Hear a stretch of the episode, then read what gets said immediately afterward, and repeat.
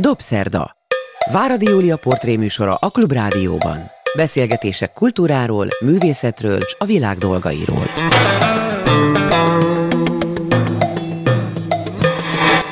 Jó estét kívánok, ez a Dobszerda, én Váradi Júlia vagyok. Jó napot kívánok azoknak, akik vasárnap délben az ismétlésben hallgatják a műsorunkat, vagy interneten bármikor. Háj János a vendégem.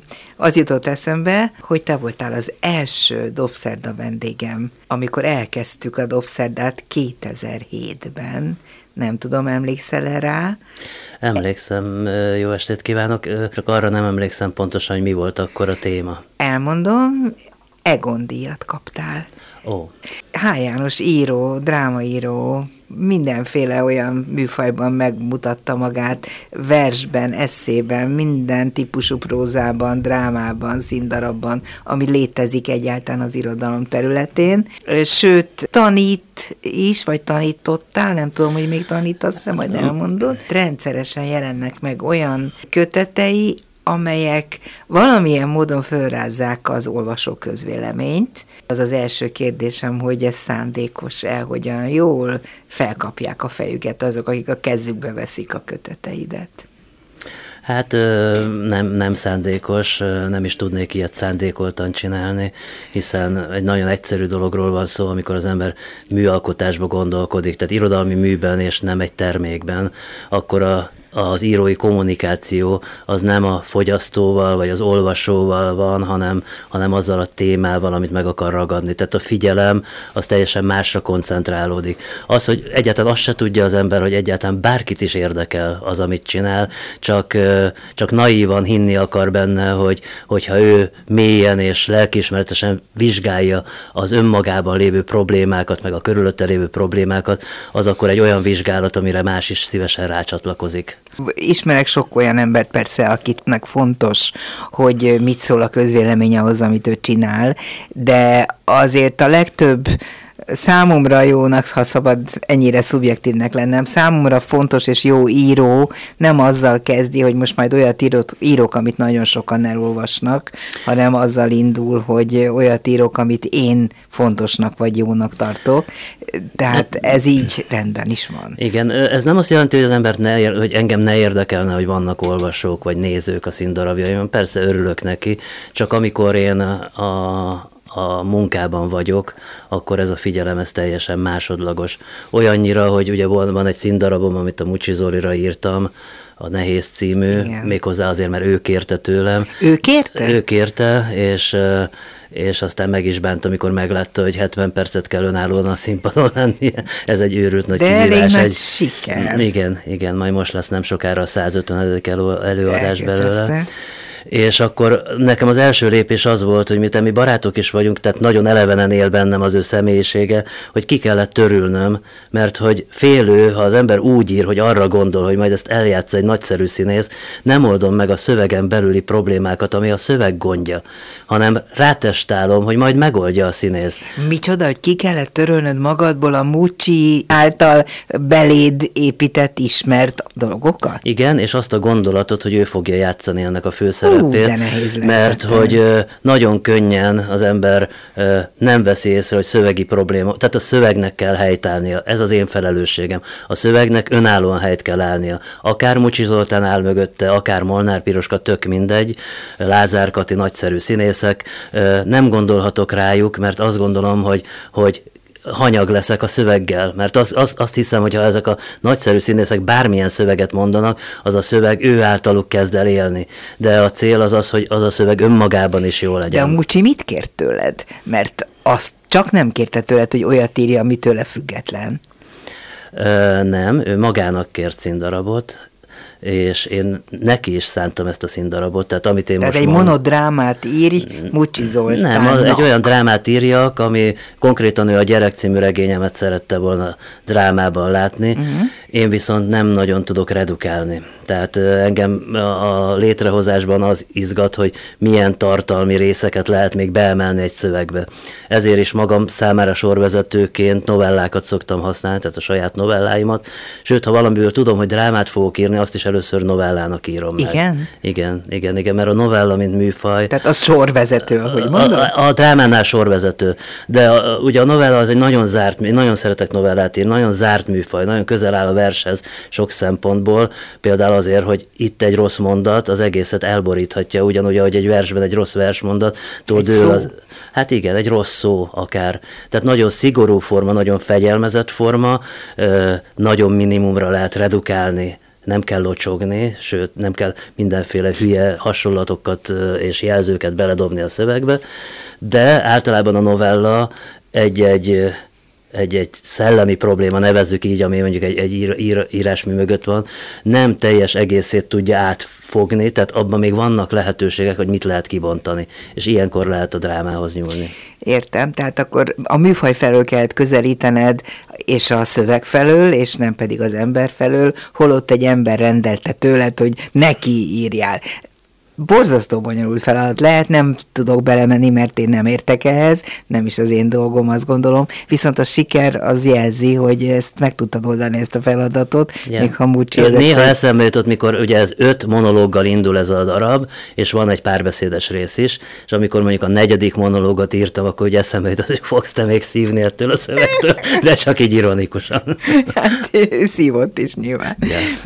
Szerelmes, istenes, okosos. Ez a legújabb köteted, és hát én halálosan izgalmasnak tartottam az ötletet, amit el kell magyaráznod, hogy miért, hogyan kerested, és találtad meg azokat a 17. századbeli költőket, magyar költőket, akik közül lehet, hogy volt, aki nem is létezett, ezt most nem tudom pontosan, de akiknek a szövegét, a verseit mába dolgoztad át. Ez mire épül ez az ötlet?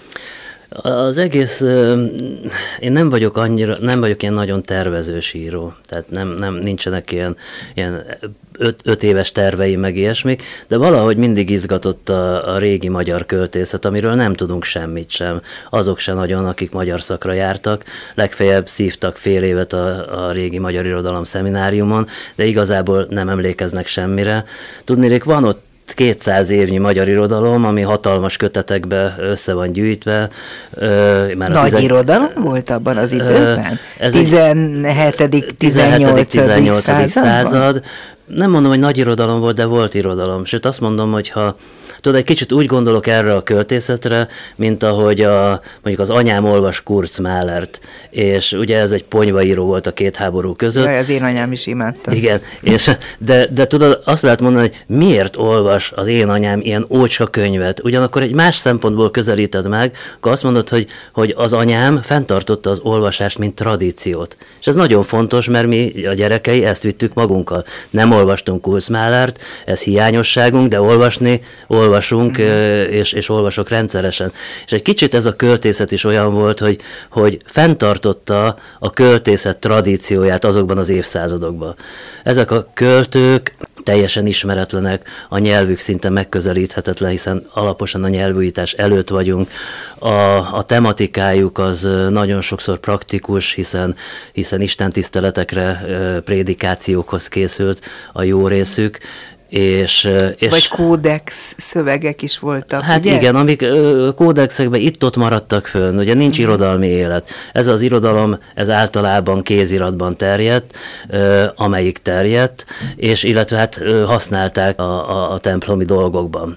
És hát poétikailag is, hát nem annyira erősek, hiszen a magyar költészet nincs kigondolva még ebbe az időbe. Hát egy pillanat itt azért meg, megakasztanálak, hogy mi az, hogy nem annyira erősek kérdés, hogy akkor általában az irodalmi elvárások, ha voltak ilyenek egyáltalán, vagy a hasonlítási alap milyen lehetett, hogy ahhoz képest, amit akkor a kezébe vehetett egyáltalán az olvasni képes ember, itt egy felkiáltó jelet is teszek, hogy ahhoz képest azok a szövegek mennyire voltak színvonalasak. Tehát nem a mából nézzük De nem tudom nem a mából nézni. Tehát én nem tudok ahhoz képest lenni, hiszen én most vagyok, nem vagyok irodalomtörténész, egyszerű olvasó vagyok ebben a kérdésben. El tudom elolvasni, megértem-e vagy nem. Nem tudom elolvasni, nehezen értem meg, látom, hogy falsok a rímek, ügyetlenek a rímek, itt-ott botladozik a, a versmérték.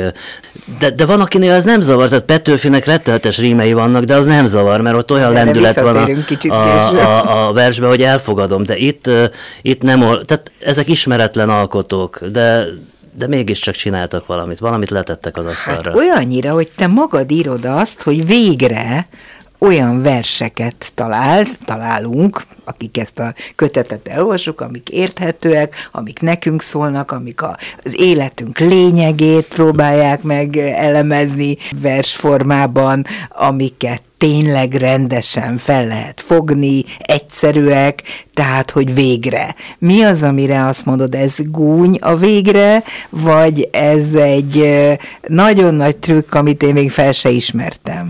Hát ez, ez az én fülszövegjátékom, de valóban, mikor elolvastam ezeket a verseket, és kerestem azokat, amik, amikből valamit, amiből kiindulva valamit tudok csinálni, törekedtem, nem törekedtem arra, hogy megőrizzem az eredeti verset. Ahol belekerült valamennyi, belekerült, ahol nem, csak nagyon kevés került bele, akkor így, így vagy úgy, mindegy, teljesen lényegtelen volt a számomra. Tehát fogtad és átírtad ezeket Ö, Vagyis inkább azt mondom, hogy újraírtam, és akkor törekedtem arra, hogy mégis valahogy az egésznek volt egy ilyen régies akusztikája a fejembe, egy ilyen hagyományos költői, nem tudom, hangulat és zene. Baromira azt Nagy, nagyon, nagyon szerettem csinálni, és megpróbáltam a lehető legegyszerűbb ritmikát használni, általában fel, valami, mit tudom én, tehát mindenképpen ütem hangsúlyos, de nagyon gyakran felező nyolcas, nagyon egyszerű rímelés, vagy keresztrím, vagy páros rím. De tehát, ők is ezt használták. Hát ők is, igen, igen, ők is ezt használták, és és aztán koncentráltam, koncentráltam még egy dologra, hogy úgy érzem, hogy ők nem csak a költészetet tartották úgymond életben abban a néhány évszázadban, hanem mintha ez a korosztály, vagy ez a, ez a néhány évszázad még emlékezett volna arra, hogy volt valaha egy kompakt világkép. Tehát volt valaha egy olyan világlátásunk, amiben minden a helyén volt. A fönt fönt volt, a lent lent volt, és a közép középen volt, hogy egyszerűen mondjam, és ők még emlékeztek erre a dologra, és ez nagyon erősen benne van a szövegekben. Mm. Ugyanakkor benne van az, hogy ez már a felvilágosodás után, tehát az újkornak a hajnalán vagyunk, még Magyarországon is, hogy egyszerűen ez a korosztály még emlékszik arra, hogy nem az egónk igazgatja a világot, és emlékszik arra, hogy esendőek és törékenyek vagyunk. Emlékszik arra, hogy, hogy az, hogy mi, mi, mi az, ami generálisan megváltja, megváltoztatja az életünket, az nem tőlünk függ. Tehát nagyon szemben áll egy mai, nagyon egocentrikus világképpel, amiben most vagyunk, ahol, uh, ahol automatikusan a, a, a social médiában olyan egókat építünk, hogy, uh, hogy az ember hanyat esik tőle, tehát elfelejtjük a saját létünk realitását, tehát ők még emlékeztek a realitásra, és ez engem nagyon-nagyon izgatott, és ilyen módon azt mondom, hogy az ő gondolkodásuk most rendkívül aktuális. Ez nagyon érdekes, amit mondasz, hogy az ego építés az hiányzik ezekből a sorokból, de nem csak attól nagyon mások ezek, mint egy mai, a mai költészetnek bármely darabja, hanem hogy ők vették maguknak a bátorságot akkor, vagy valószínűleg ez volt a feladata egy írás tudó embernek, hogy adjon tanácsokat, hogy próbálja meg megsegíteni az olvasót, hogy mi a jó élet, hogyan érdemes gondolkodni, hogyan érdemes élni, milyen legyen a viszonyunk a jó Istenhez, a valláshoz, a szerelemhez, a kedveshez, az élethez egyáltalán. Tehát, minthogyha ilyen katekizmus, vagy nem tudom, mit olvasnánk ezekben a versekben, a te fordításodban, élet tapasztalatról és életértelmezésről van szó ezekben. Nekem legalábbis ezt üzenik. Igen, én azt gondolom, hogy az eredeti, az eredeti szövegek is funkcionáló szövegek voltak, tehát volt valami céljuk. Ha lehet azt mondani, hogy féle morális könyvként is működtek, ami egyben a világértelmezést és egyben az életvezetési tanácsokat is hozza, úgyhogy ilyen szempontból nagyon vicces dolgokat lehet olvasni, hogy hogyan viselkedj, hogyan érdemes élni, hogyan hogy gondolkodj arról, hogy mit jelent élni, és hogy, hogy viszonyulj azokhoz, akik körülvesznek téged. Az öregséghez például, hát hihetetlen tanácsokat ad adsz, adtok. Sajnos az a kedvenc részem, mert én is abban a korban vagyok már, aki ezzel nagyon sokat foglalkozik, és nagyon, nagyon bírtam az öregséggel, állandóan foglalkoztak. Halállal, halállal. öregséggel. Igen, tehát egy csomó olyan dologgal, amit a modern kor úgymond kiiktatott, tehát ö, ö, ma öregnek lenni, az, az nagyon kínos dolog. Emlékszem, amikor a 70-es években egy, egy rokonom mutatott egy fényképet, és mondta, hogy ki van a fényképen, egy,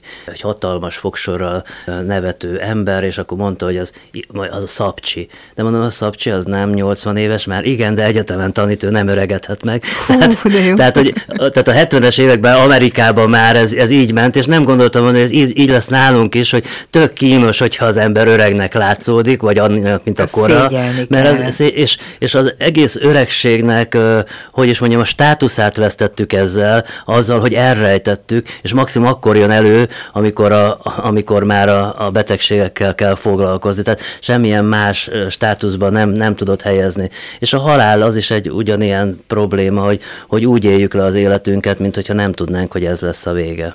Igen, és ezekben a versekben sokkal természetesebben kezelik, vagy kezelték, vagy kezelitek, hogy már megint többes szám második szemét használják, a halál fogalmat is, az, az élet és a halál viszonyát, és hát tényleg a megöregedés, vagy az öregség tárgykörét, Szóval nagyon jól, amit mondtál, hogy, hogy egy morális füves könyv, így fogalmaztál. Ja, ja, ja. ja meg, meg az, hogy, hogy ugye most az öregségről beszélünk, de ő mindig viszonyban beszél, hogy ne felejtsd el akkor sem, amikor fiatal vagy, hogy ez a dolog hogy áll, hogy áll össze, mi az, az egy élet. Tehát arra inspirál, hogy az emberről, mint egy egészről gondolkodj. Úgy, aki tudja, hogy mi az eleje, mi a kezdete és mi a vége, és a mindenségről is így gondolkodik. Azért árulj el valamit nekem légy szíves ők mind léteztek, vagy van köztük kitalált név is? Mind, mind léteztek. Az, hogy mennyi közük van ahhoz, amit én írtam, ez egy másik kérdés. Minden, minden szövegnek megadom a forrását, tehát a régi magyar költők tárában, utána lehet nézni. Van, a, van, amely versből többet használtam, van, amelyből keveset, van, amelyből... Sőt, a szín... témát is megadod, hogy mi, miről szólnak azok a versek. Igen, igen. És, és valahogy én úgy éreztem, én bennem van egy ilyen betyárbecsület, hogy én így tisztelem az ilyen embereket. Tehát, hogy ugye úgy van egy ilyen, ilyen, ilyen én bírom a, a hagyományt, meg a tradíciót, ami azokat a figurákat, akik régen tettek, vettek. Ez egy kicsit olyan, mint ahogy az ember hogy szeretettel gondol a nagypapájára is, úgyhogy hogy, hogy egy kicsit ilyesmi van bennem, és ezért a versek alatt a nevüket az oldalszám mellett feltüntetem, hogy van lássuk. köztük egy Balassa Bálint. Igen, de ő csak ez rokon. nem az. Nem, nem. ő egy nagybácsi? Nem, ő egy leszármazott, hozzá oldalági leszármazott. Igen? Úgyhogy, úgyhogy nagyjából úgy az unokaöccse lenne a, a Bálintnak. A többi név pedig abszolút ismeretlen, vagy legalábbis az én, nem mind. Talán a Heltai Gáspár, Heltai Gáspár nevét azt de, ismerjük. A, de ez az a Heltai ez Gáspár. az a Heltai Gáspár. Ja, mert itt is gyanús volt, hogy nem valamilyen rokon-e, hmm. mert hogy Heltai Gáspár persze, ő aztán végképp szerepel a tudástárban, de a többieket nem Teljesen is, Én se ismertem őket sohasem, úgyhogy... Viszont még valamin gondolkodtam, hogyha 300 év múlva H. János verseit előveszi majd valaki, és ír belőlük újat. És te azt véletlenül megtudod, mert olyan lesz a világ, hogy vissza tudsz nézni, vagy előre tudsz nézni. Ahhoz mit szólnál? Átírt verseithez. Hát, nézd, alapvetően én azt gondolom, hogy, hogy nincs olyan, hogy egy egy kulturális produktum független más kulturális produktumoktól. Tehát valahol a, a nem tudom, a Neander völgybe, vagy hol leültünk egy tűz mellé emberek, és elkezdtünk beszélni arról, hogy mi történik velünk a világba. Ez a beszéd zajlik azóta is. A történetek és, és, és verses történetek és versek és gondolatok halmozódnak egymásra, és ez az egész dialógusban van egymással. Egy csomó olyan dolog van bennünk, amiket például konkrétan nem olvasunk már Bródi Sándor, Sándort, de a Bródi Sándor féle megközelítése a világnak, az tovább ment a Kosztolányin, a Móricon, és tovább ment egészen a mai írókig. Tehát a, a, az egész kultúra az egy, egy hatalmas kommunikációs rendszer, ami arról szól, hogy önmagunkról gondolkodjunk. Tehát nem azért akarom elolvasni az X-nek vagy az Y-nak a prózáját vagy a versét, mert kíváncsi vagyok, hogy ő mit ír. Jó, én néha azért, mert nekem ez, ez szakmai köte, de olvasóként nem. Olvasóként magamat akarom olvasni. Uh-huh. Arra az életre vagyok kíváncsi, amit én élek. És persze ez hasonlít más emberek életére is. Tehát, egy, amikor azt keresed, hogy mik az intertextuális utalások, ugye ez egy divatos szó volt egy időben egy-egy szövegben, tehát mi, mi, milyen átszólások vannak más, más szövegekhez. Ez azért hülyesség szerintem, mert van ugyan, mint az Eszterházi, aki nagyon látványosan idézett, de a legtöbbünknek fogalma sincs, hogy honnan idézünk. De idéztek, de idézünk. Mert, ebből kell persze, táplálkozni, persze, erre ez, épül az egész. Így van, tehát a fejünk tele van mindenféle Hogy nem bánnád, hogyha valaki nem, ugyanígy nem, téged nem. csak nem. éppen, hogy idézne, akár csak a nevedet használna. Hát az és... furcsa lenne, hogyha mondjuk 300 év múlva mondjuk egy vers az nem ilyen betűkből állna, hanem ilyen smiley-ból vagy piktogramokból. könnyen lehet. De könnyen lehet. Simán lehet, szóval, hogy nem 300, hanem 50 év Igen, múlva. tehát ez egy érdekes dolog, hogy hogy nyilvánvaló, hogy én a, én a nyelvi kultúrához, vagy az írott nyelvi kultúrához, és a beszélt nyelvi kultúrához kötődöm, és a könyvekhez, és, és a többi, a, a, tehát a vizuális közlés sokkal távolabb áll tőlem, és lassúbb is vagyok, ezt bármikor le, le tudom tesztelni, mert hogy ha mondjuk a, ül mellettem a lányom, és kapcsolgatja a TV csatornákat, én még fel se fogom, hogy mi megy a csatornán, ő már hárommal arrébb jár, mert ő már réges-régen tudja, de egy biztos, hogy bármilyen módon is fogunk gondolkodni a világról, gondolkodni fogunk. Tehát addig, amíg emberek maradunk, addig gondolkodni fogunk, és ezt a gondolkodást a mesterséges intelligencia nem fogja elvenni tőlünk. Ez különböztet meg bennünket minden más élőlénytől állítólag, hogy tudunk gondolkodni. H. Jánossal beszélgetek a Dobszerdában. A Szerelmes, Istenes, Okosos, jól mondom? Igen. Című kötet jelent meg most a napokban, és ez az egyik apropónk. De a beszélgetésünknek több apropója is van. Az elmúlt időben két olyan könyved is megjelent, az elmúlt egy-két évben, amelyek komoly vitákat váltottak ki az olvasókból, ami persze soha nem baj, hogyha beszélnek valamiről, és még egyszer mondom, nem feltételezem, hogy az volt a szándékot, hogy felborzold a kedélyeket, de például azzal az irodalomkönyvvel, vagy az irodalmi alkotásokról írt könyveddel, a Kik vagytok ti című irodalomról szóló könyveddel, nagyon felbolygattad a, a kedélyeket, mert hogy megpróbálta test közelbe hozni azt az irodalmat, ami egyébként mint kötelező irodalom az iskolában, valószínűleg az unalmasabbiak közé soroltatik a diákok vagy a gyerekek számára, olyan nagyon nem is érdekli őket, ha meglátják a címet, viszont ha egyszer csak azt hallják, hogy ki volt a szeretője, hogy csalta meg a másikat, milyen szemét dolgot mondott annak meg amannak, akkor lehet, hogy elkezd érdekelni, hogy jó, és akkor mit írt. Tehát, hogy mi volt a szándékod azzal, hogy mai történeteket írtál tulajdonképpen a régi irodalom szereplői életének hátterébe. Egy, egy, egyrészt ezek a dolgok, amiket mondasz, ez, ezek nem témái ennek a könyvnek. Ha belekerül, belekerül. Alapvetően természetesen van ezeknek az íróknak élete. Sőt, azt gondolom, hogy hogy mondjuk egy egy prózaírónál a sok-sok hős mellett az is egy hős, aki ő volt. De a, a cél az mindenképpen az volt, hogy, hogy az életművet megvilágítani. Nem életrajzokat írtam, bár az életrajz szerepel. Ez egy nagyon fontos dolog, hogy az életrajzból magyarázza valaki az életművet, vagy az életrajzot tudomásul veszi, és az életművet nem. Függetlennek ettől függetlenül, ezzel én mélységesen egyetértek, és ugye miután a gyerekkorom olyan irodalomoktatásban zajlott, ahol az életrajzból magyarázták a verseket, ezért én ennek esküdt ellensége vagyok, de nem vagyok ellensége annak, hogy ezek az emberek éltek, sőt nem vagyok ellensége az alkotás lélektani problémák felvetésének sem.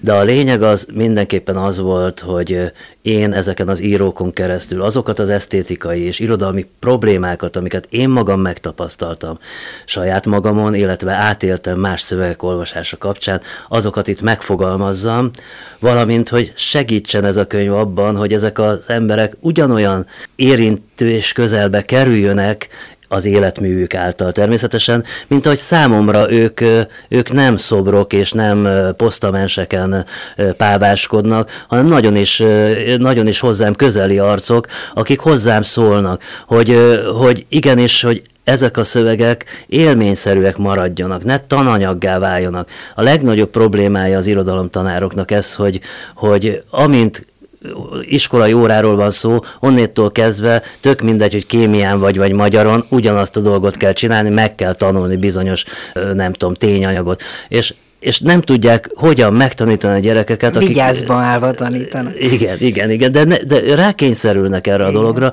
Ráadásul a jelenlegi oktatási állapotok, hogy ne, ne menjünk bele a részletek, vagy, vagy a túltág megfogalmazásba ne menjünk bele, de az, az irodalom tekintetében is nem szabad kezet ad a tanárnak, hanem megköti, holott ez az az egyik olyan dolog, amit, amit a lehető legszabadabban kéne kezelni, hiszen minden osztály más és más. Én például azért utálom a görög drámákat, mert elsőben az Antigóné nekem nem jött be. És amit az Antigónétól... Nem értetted? Nem értettem, idegen volt tőlem, az egész problémát ne, nem tudta megvilágítani a, a, a tanár vagy az iskolai óra, és ezzel, ezzel egy egész csapatnyi szöveg ment ki az ablakon. Tehát, hogy a, a, a tradíciónak az a lényege, hogy, hogy mindig arra formálható, amilyen vagy. Emlékezz vissza a 80-as, 90-es évekre, mindenki kosztolányizott. Tehát, uh-huh. hogyha ha kosztol... volt. Igen, kosztolányi nem került szóba, akkor, akkor már tök cikk ez, akkor egy műveletlen arc. Ha viszont kimondtad azt a szót, hogy Móricz Zsigmond, akkor egy hatásszünet volt, várták, hogy esetleg az eke is kiesik a szádból, mert az annyira kínos volt. Most meg mindenki móricozik. Tehát azért, mert a világlátásunkhoz választjuk a tradícióból a mhm. hozzánk szóló hát embereket. Már aki most azért megmondják, hogy milyen világlátás, mit kell választani. Most én a normális olvasó ja, emberről igen. beszélek, és nem, nem arról, hogy, hogy ez az, az egy szomorú dolog, hogy éppen magyar tanárral beszélgettem Egerben, aki mondta, hogy én, ő azt mondja, amikor hallotta, hogy Vas Albertet és Herceg Ferencet kell tanítani, akkor úgy volt vele, hogy nem baj, mert valamin keresztül meg lehet tanítani, hogy mi az, hogy sematikusan ábrázolsz egy fi- figurát, a felületességet, a gicsefekteket, csak az a probléma, hogy most oda jutott, és ezért akarja abba hagyni ezt a tanítást, mert hogy a referencia anyagok, akikhez képest meg tudnám mutatni, azok eltörpülnek már az új anyag mellett. Az és arányok. Ez, az arányok. Változtak. És ez, ez a fő probléma, mert hiába mondom én azt, hogy, hogy, hogy Móricot nem lehet leváltani Vas Albertel, hogy, hogy nem tudom, Kosztolányit vagy Adit nem lehet leváltani Herceg Ferenccel, vagy, vagy bárki mással, aki úgymond középfajsúlyú dolgokat csinált, de hogyha csak azt látom, tehát egy idő után azt gondolhatom, hogy tényleg Hát ez akkor az irodalom, ez akkor a hát film. Ez akkor a... Ez. Hát magyar tanároknak ebben nagyon-nagyon nagy felelősségük van, meg hát egyáltalán az egész oktatásnak, hát milyen emberek lesznek azok, akiket így, ilyen módon vezetnek be, a, ha egyáltalán bevezetik őket hát a, a, a, a tanárok rettenetes kényszerhelyzetben Igen. vannak, tehát ez egy nagyon nehéz, de visszatérve az általánosabb gondhoz, tehát hogy eljutni az élményszerű olvasáshoz, az egy, az egy tök fontos dolog, de hozzá kell tegyem, amikor ezt a könyvet írtam, nem voltak praktikus céljaim. Mivel vádoltak téged igazán? Mi volt az, ami olyan nagyon beakadt azoknak, akik a súlyos kritikákat megfogalmazták? Hát nagyon sokszor voltak igaztalan vádak, valami miatt az egésznek a stilisztikája nem jött be az irodalom történészek számára. Nem volt elég komoly, vagy biztos, féltek, hogy felületes? Vagy? Szerintem nem felületes, és nincsen tele hibákkal, mint néhányan állították, csak a hibákat nem írták bele. Természetesen egy 800 oldalas könyvbe el, elkerülhetetlen, hogy akár még sajtóhiba is legyen, de az egyik az volt a, az életrajz és akkor azt kell mondani, hogy nem, nem az életrajzból magyarázom, tehát hogy ez, ez, ez hiába tűnt ijesztőnek, nincs életrajzi alapú műmagyarázat. Egyszerűen én teljesen másképp viszonyultam ahhoz, amit ezek az emberek képviseltek. Az életükön keresztül és a művükön keresztül szerettem volna látni azt a kort is, amiben vannak, mert hogy ezt így együtt tartom érdekesnek, a társadalmi közeget is. De alapvetően a cél az mindig a mű és a visszajelzések milyenek voltak azoktól, akiknek szántad, ha szántad, tehát a diákok, akik, akiket be akartál vonni tulajdonképpen egy olyan irodalmi látásmódba, hogy élvezetes legyen számukra olvasni azt, akiről megtudtak esetleg olyasmit is, amit korábban nem tudhattak meg. Hát a, az olvasói visszajelzés az nagyon pozitív, különösen a magyar tanárok részéről, akik kaptak egy fogódzót a könyv által, ami nem volt ilyen célom, az tök jó, hogy, tehát itt nagyon fontos az, hogy, hogy minden könyvnek lehetnek praktikus hasznai, és minden könyv felvethet publicisztikus problémákat, tehát mondjuk közéleti problémákat, de a könyvek célja mindig valami más.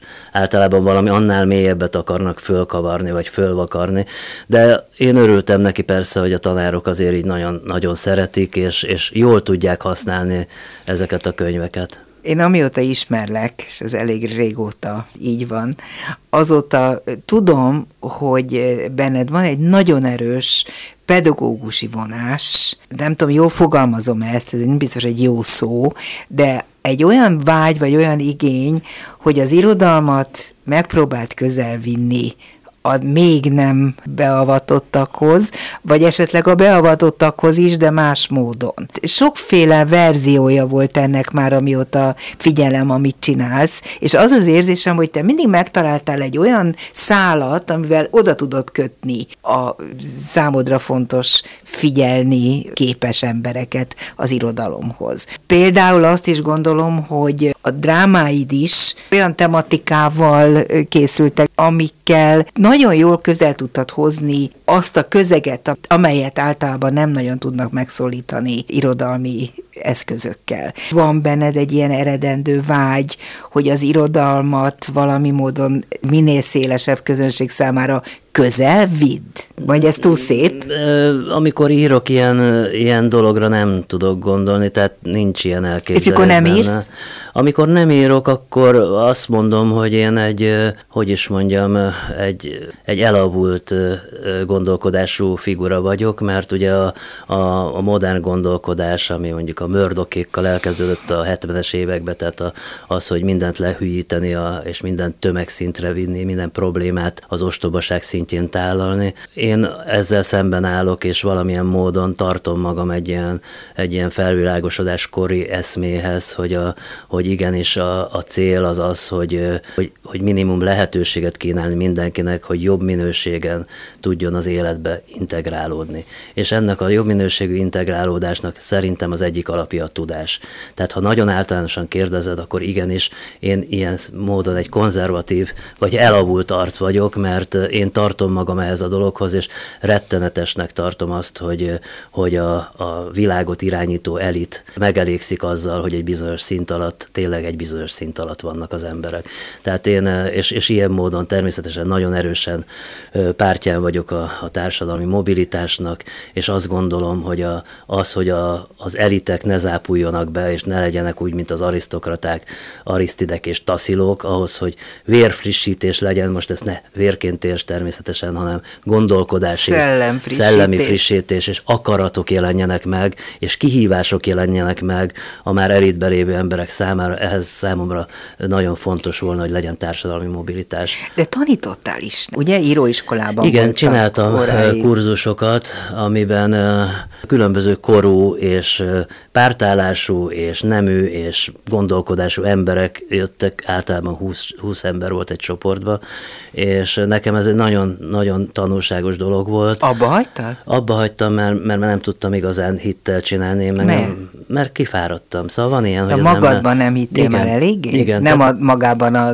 tevékenységben? Nem, nem, nem. Én, én, több írótársam van, aki hülyeségnek tartja az írásoktatást. Én alapvetően abból indulok ki, hogy, hogy minden olyan dolog, ami segít abban, hogy jobban megfogalmazd önmagad és a világot, az mind segít ahhoz, hogy te jobb minőségen tudj élni. Természetesen nem, nem úgy gondolkodom, mint a pszichológusok, hogy egy része, hogy felejtsd el a valahai önmagadat, meg, meg, meg dolgozd föl a sérelmeidet, jók azok a sérelmek, ha ott vannak, szerintem, de úgy, hogy, hogy, hogy, hogy milyen szinten látok rá arra, ami körülvesz engem, és a, ami, ami én vagyok, abban igenis egy írásoktatás segít. Nem, ettől nem lesz még senki sem író természetesen. A másik dolog, ami, ami nekem nagyon fontos volt, hogy, hogy azért mondtam, hogy ilyen sokszínű társaság volt, hogy az a húsz ember mindig megtanulta, hogyan lehet egymással beszélni érvényesen, úgy, hogy a másikat ne szúrt szíven, uh-huh. és ne folyast ki a vérét, és, és egyszerűen számomra ez egy, egy kis kísérlet volt arra, hogy igenis Magyarországon is lehetne ennél szélesebb körben is értelmes beszéd, csak akarnunk kéne. Ez például egy nagyon fontos tanítás, és ide tartozik valójában, te magad vezetted át ezt a gondolatot oda, ahova én át akartam volna lépni, ez pedig a Mamikám című könyved, amiből ugyancsak nagy vita kerekedett, ott a nyelv használatodat kezdték ki a kritikusaid, volt, aki persze nagyon-nagyon nagy elismeréssel beszélt erről a, az írásműről, de volt, aki azt mondta, és kikérte magának, különösen az, akiket, azok, akiket érintett a dolog, mint cigány származású embereket, hogy hát te olyan hangnemet ütöttél meg ebben a könyvben, amilyen nincs, amit nem szabad, ami, ami letaglózó, és így tovább. Ez is arra a célra, vagy rosszul kérdezek megint, de hogy te hogy érzed utólag legalábbis, hogy mit ért el ez a nyelvválasztás, vagy nyelvhasználat, és ez a témaválasztás egy cigánylánynak a rettenetes sorsa? Egy kicsit talán távolabbról kezdeném, hogy nekem ma azért volt fontos megírnom ezt a, ezt a szöveget, mert nagyon izgatott két embernek a szeretet deficite, és az emiatti egymáshoz tartozóságuk. Akiket ez te egy, magad is ismertél. Akiket én magam is ismerek, tehát ez egy idős néni volt, és ez egy 30-as éveibe járó cigánylány volt. Mind a kettő, az idős néninek a gyerekei valahol a tengeren túl élnek, nincs nincs hol gyakorolja a, az szeretetet. érzelmi figyelmet vagy a szeretetet. Ennek a lánynak pedig meghal korán az apukája, és akkor az anyja és a mostoha apa idióta életében és érz, érzelemmentes életében kell felnőnie, és keresi a kiutat, keresi azt, hogy hogyan lehetne nem így élni. Ő mondja el a történetet, a lány mondja el a történetet, és mesél erről a kapcsolatról. Tehát számomra ez volt, ez volt a retteltesen fontos, hihetetlen akarat, ami ebbe a lányba van, hogy igenis én anya akarok lenni, nem olyan, mint az anyám volt, akit nem tekintek anyámnak, mert le se szart engem, olyan akarok lenni, mint a mamika mert a mamika az tud szeretni, az, az, az oda tud figyelni a másikra. Tehát számomra ez volt az érdekes. Minden regénynek van egy, egy úgymond reália alapja, vagy szociológiai háttere. Ennek egy falusi közeg a szociológiai háttere, egy idős falusi néniről van szó, a helyi megnevezésben egy paraszt néniről van szó, és egy cigány lányról van szó. Nagyon régóta szerettem volna ezt a történetet megírni, miután a szereplők rendkívül közel állnak hozzám, ezért mindig eltoltam magamtól, mert nem akartam őket megírni. És valahogy jött a Covid, és akkor, hogy tudod, megszűntek ezek a ide-oda menések, és akkor hirtelenjében ott volt a rengeteg idő, és én nem szeretek haszontalan lenni, és akkor mégis elővettem. Ez még egy Vámos Miklai történet volt, tehát ott ismerted meg őket, vagy, vagy egy későbbi? Igen, a, gyerekkorom és a mostani koromnak mm. a története. Én változatlanul járok Vámos Mikolára, mert az mm. anyukám még él. Többször gondolkodtam rajta, hogy hogy, hogy tudnám megszólaltatni. És bárhányszor egy ilyen átlagos beszélt, nyelv, beszélt nyelvet használtam, mindig olyan hiteltelen volt és, és akkor egyszer egyik hajnalba uh, tudtam, hogy hogy fog kezdődni, hirtelen beugrott azzal a, azzal a hát, tájnyelvi beszédmóddal, ami, amit gyerekkoromban megismertem, amit én sose beszéltem hozzá. Ja, te nem használtad ezt Én nem nyelvet. használtam ezt a nyelvet. Viszont az anyám így beszél, környezetünk így beszél. Ma is így Ma is így beszél, ez egy mai nyelv mai nyelv, nem rontott nyelv, ez egy teljesen perfekt nyelv azok számára, akik használják. Tudnék, meg tudják fogalmazni önmaguk számára ezen a nyelven a világot akadémiai szempontból lehet, hogy, hogy, hogy sérült nyelv, de amúgy kommunikációs szempontból nyelv. egy létező nyelv, mm. ugyanúgy, mint hogy a matematikusok is egy spéci nyelven kommunikálnak egymással. Vagy és az akkor... informatikus. Ja, arról már nem is beszél. Na, szóval, hogy, hogy, hogy úgy gondoltam, hogy ez a nyelv tudja hitelesen megszólaltatni, és ez működött is, hát az első 20-30 oldalt nehéz volt megcsinálni, mindig elrontottam. Természetesen, akik azt mondják, hogy ez nem egy valódi nyelv, akkor azt kell mondjam, hogy nincs olyan irodalmi nyelv, ami valódi nyelv lenne a szó olyan olyan értelmében, mint egy tükröződése egy utcanyelvnek. Uh-huh. Nincs ilyen irodalmi nyelv. Minden irodalmi nyelv teremtett nyelv, ezt meg kell jegyezni, ez egy alapszabály. Természetesen, hogy mik az alapjai a teremtésnek, azt le lehet, meg lehet nézni, le lehet tudni, le, le tudod mérni, hogy a Tarsándor milyen beszélt, milyen nyelvi effektekkel dolgozott. De az is egy teremtett nyelv. Tehát, hogy igen, ilyen Eszteráziról meg Partinak hát, nem, nem is beszélve, beszélve természetesen. Nyilván, de nekem legalábbis úgy rémlik, vagy úgy fogtam ezt a dolgot, hogy nem csak a nyelv használattal volt problémájuk a kritikusaidnak, hanem azoknak, akiket ez személy szerint származásilag érintett, tehát a cigány háttérből származó emberek bántónak érezték.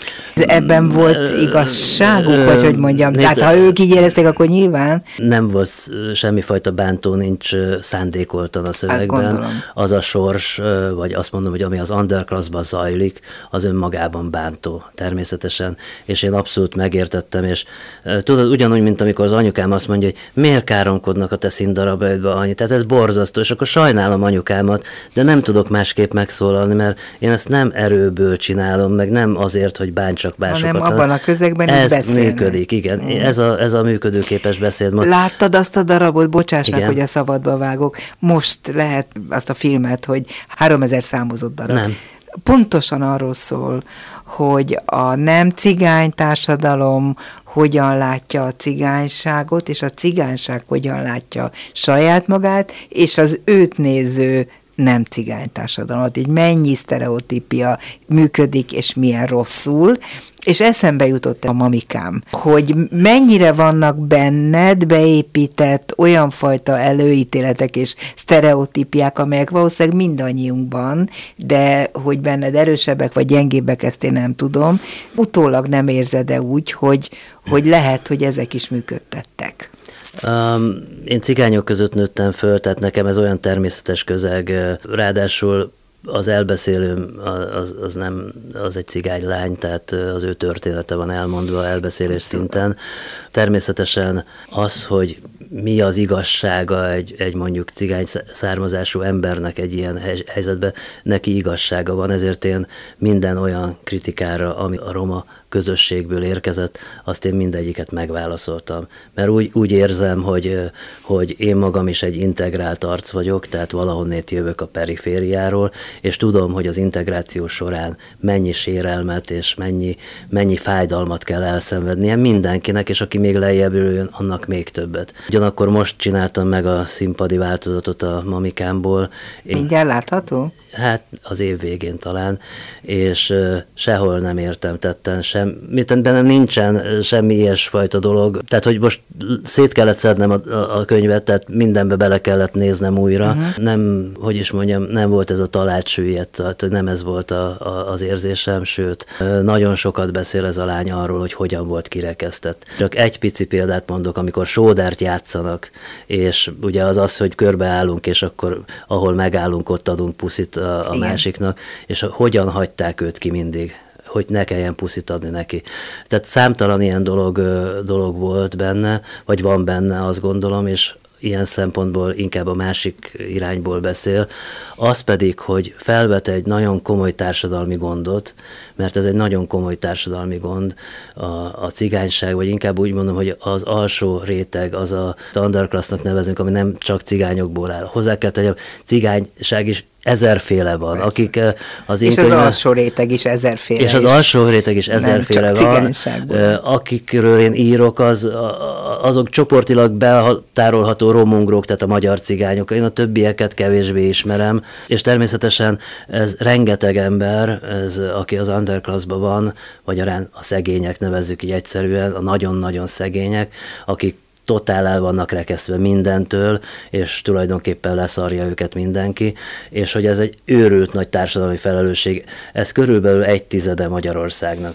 És sajnos növekszik. És ez növekszik, és 30 éve érvényes dolog nem történik ezen a területen. Egy-egy nagyszerű ember az életét feláldozza arra, hogy olyan iskolát hozzon létre, olyan oktatást próbáljon elterjeszteni, de ez az egy fecske nem csinál nyarat, ők csak példaértékű hősei ennek a történetnek, de egy nagyon komoly társadalmi összefogásról van szó, van. és ez egy áldozatos munka, és nem biztos, hogy egy generáció által meg, megoldható minden. Lehet, hogy csak négy-öt embert emelsz ki, de azt se tudod eljuttatni mondjuk egy értelmiségi szintig, de legalább kiemeled abból a részből, ahol nincsen szakma. Az én osztálytársaim, cigány osztálytársaim mind szerzett szakmát magának, és az ő gyerekeik már nem, és az unokáik nem. És itt van a nagy probléma, hogy a, hogy a, a Kádár ideje alatt, és nem akar akarnám isteníteni egy diktatúra hősét vagy főnökét. A Kádár ideje alatt mégiscsak volt egy alapvető baloldali hozzáállás a világ és az ország elesett részei felé. Tehát volt egy pozitív diszkrimináció, ami segítette ezeknek a rétegeknek az integrálódását. Hát ez a rendszerváltás elmosta. És ha már ezt a kérdést vetetted fel, társadalmi problémákról beszélünk, akkor én azt érzékeltem korábban, hogy te többször és határozottabban szólaltál meg közéleti kérdésekben, mintha ebből hátrébb léptél volna, és úgy nem is tudom, szóval nem nagyon látom, hogy állást foglalsz, és azt is gondolom, hogy mint hogyha eleged lenne ebből az egészből, és inkább csöndben vagy. De lehet, hogy ezt rosszul látom. Nem tudom, számomra mindig is világos volt az én véleményem, természetesen nem középen állok, mert nincs egy középen, kívül vagyok ennek a, ennek a megosztottságnak a játszmáin. De lehet kívül lenni? Ö, Ebben az országban élve? Nem, nem, nem tudok, tehát nem tudok semmilyen azonosulási frontot találni, ezért én ki, ki, kimaradtam, hogy úgy mondjam, sokat magammal, és természetesen olyan kérdésekben, amik úgy érzem, hogy nem pártpolitikai kérdések, azokban, azokban igyekszem megszólalni, és ahol tudok beszélni a, az én mániáimról, ami a mobilitás, a, a, a, a tanárok problémájáról, tehát ami font, amiben én kompetensen hozzá tudok szólni, az, az igyekszem hozzászólni. Petőfi nemrég jöttél haza Indiából, méghozzá fantasztikus indiai tartományokból, amelyek mindegyikében Rós Tamással együtt Igen. előadtatok Petőfi verseket. A Petőfi forduló alkalmából gondolom meghívtak indiai irodalmi körök, de majd mondd el, hogy hogy kerültetek oda, és hogy ott mi minden történt, hogy, hogy mennyire vevő egy ennyire tőlünk távol lévő társadalom és kultúra, arra, amit mi olyan nagyra tartunk. Hát, hogy hogy kerültem oda először is, évtizedek óta van egy úgynevezett vendégprofesszori ösztöndíj, ami nem és nem tanároknak vagy egyetemi oktatóknak szól, hanem művészeknek. Indiai ösztöndíj? Nem, ez egy magyarországi ösztöndíj. Egy magyarországi Már nagyon ösztöndíj. régóta, gondolom most is létezik. És van ott egy, egy nagyszerű egyetemi tanár Delhiben, Köves Margit, aki már egyszer engem meghívott 2008-ban ezen, ezen ösztöndi kapcsán, és, és most megint megkeresett, hogy már tizenvalahány éve volt, hogy, hogy szerinte érdemes lenne. De hát mivel lehet... De ő ki? Ő mit csinál? Ő, ő ott tanít a Delhi Egyetemen. Magyar irodalmat? Igen, magyar Jé. nyelvet is, igen, és, és sokszor az éppen aktuális magyar intézetnél bedolgozik fordítással, mert ő viszonylag jól tud hindiül, vagy hát tök jól tud hindiül, és ő egy nagyon lelkiismeretes ember, és amikor meg 2008-ban is voltam, irgalmatlanul gazdag programot csinált nekem, amiben majdnem belepusztultam, és hát most is, tehát ő, ő, ő tudja, hogy az a tétje egy ilyen dolognak, hogy azt akkor meg kell szervezni, akkor kell, hogy történjenek események, és hogy a célt el kell érnünk, tehát hogy nem arról szól, mint a közbeszerzéseknél, hogy mennyit teszünk zsebre, hanem arról szól, hogy megvalósul-e az, amit szándékolunk. Nagyon kevés pénzt kaptunk egyébként az egész utazásra, és akkor ő megszervezte, négy fellépésünk volt, mi megcsináltunk Rost Tamással egy, hát én csináltam egy eszét, amiben azt gondoltam végig, hogy hogy lehet Petőfiről úgy beszélni, olyanoknak beszélni, akik nem csak, hogy Petőfit nem ismerik, de az európai kultúrával is csak hát olyan köszönő viszonyban vannak maximum. Szóval, hogy mi az indiaival? Hogy mi az indiaival, igen, igen, igen, igen. Bár mi sáfárkodunk néhány Krishna herceggel, mm, meg egy-két mm. ilyen, ilyen gyanús fogalommal, de, de valójában, a, és akkor azt gondoltam végig, hogy mi az, mit lehet Petőfiben vizsgálni általánosan, mint költőben. És, és akkor valahogy ezen próbáltam végigmenni. És mire jutottál? Mert ez tényleg érdekes lehet kívülről nézni Petőfit, nem ebből az országból, nem ebből az európai kultúrából, hanem valahonnan egészen máshonnan. Hát egyrészt Petőfi nagyon sok minden jól vizsgálható. Például az, hogy, hogy Petőfi és a versben megírt én között mi a különbség? A szerepek. Tehát a költő, mint szerepjátékos. Aha. Akkor a Petőfinél, aki sérelmet szenvedett, és mi az, hogy sérelemből dolgozni.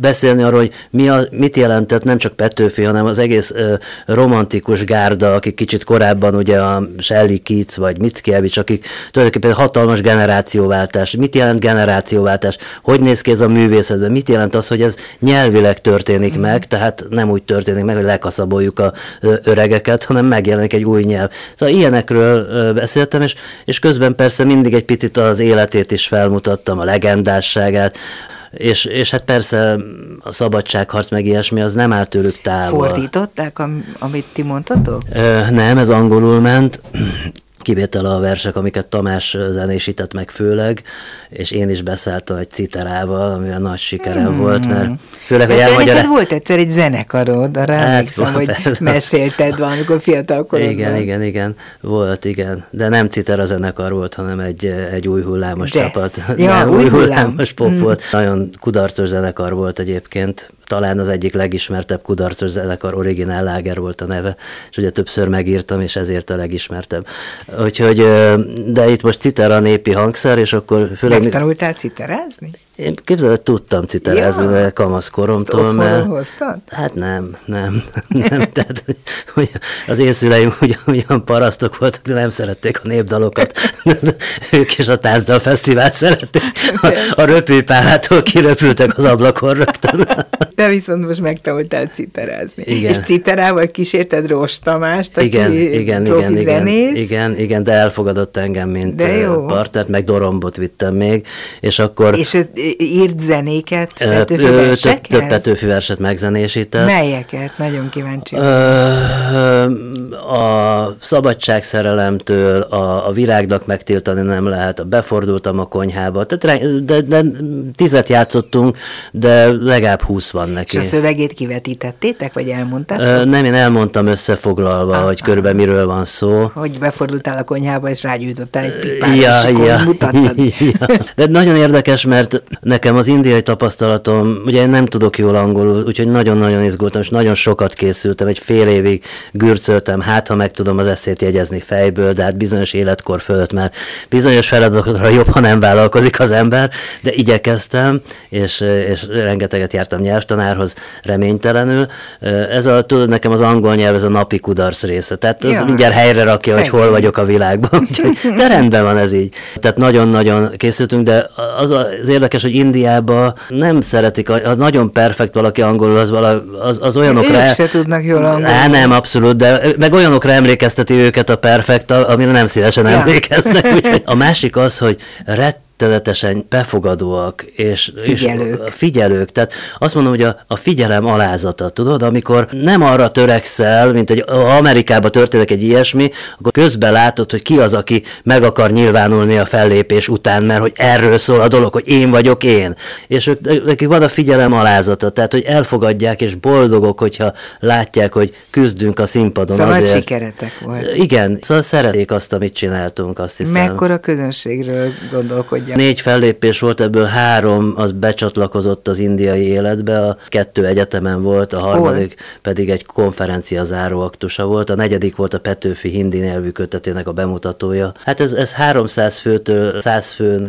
keresztül volt, 60-an, 70-en uh-huh. voltak. Az egyik az uh, Mumbai-ba egy... Bombay, a Bombay régi a régi, régi nyelven, igen, akik még azt beszélik. Szóval, hogy ott egy egyetemnek az udvarán volt, ilyen nyitott térbe, amitől mi nagyon fáj magyaráztunk, már a Tamással, hát főleg a hang, meg mit tudom, micsoda, és akkor érdekes volt, hogy leült, mit tudom én, 40 ember, és ahogy meghallották, hogy zenélünk, akkor hirtelen jöttek. jöttek, és akkor így körben egy álltak, és, és, és, és ezek ilyen tök jó élmények voltak. Most mire készüljek Háj Jánosból a következő alkalomra? Hát, ha, ha minden igaz, akkor jövőre lesz egy, egy új regény, életem leghosszabb regénye. Nem ez a címe, de tényleg tényszerűen. És annyira. Tehát az azért... ember fejére, amikor ányban olvassa ezeket, ne írjatok ilyen. Nem, nem, én becsülöm a nádast annyira, hogy nem rivalizálok vele, úgyhogy úgy hozzám képest hosszú, tehát hosszabb lesz, Életed regénye? Mindegyik az életem regénye, úgyhogy... Jó, persze. De rólad szól? Kicsit mindegyik rólam is szól. diplomatikus válaszoló Háj János volt a vendégem a Dobszerdában. Nagyon örülök, hogy itt voltál. A mai műsorban Král Kevin, Lantos Dániel, Csorba László, Rózsahegyi Gábor, Lőrinc Csaba és Pálinkás János segített. Köszönöm szépen az ő segítségüket. A műsorunkat akkor is hallhatják, hogyha nincsen adásban persze, hiszen interneten megtalálható. A szerkesztő műsorvezető Váradi Júlia volt. Köszönöm a figyelmüket, viszont hallásra.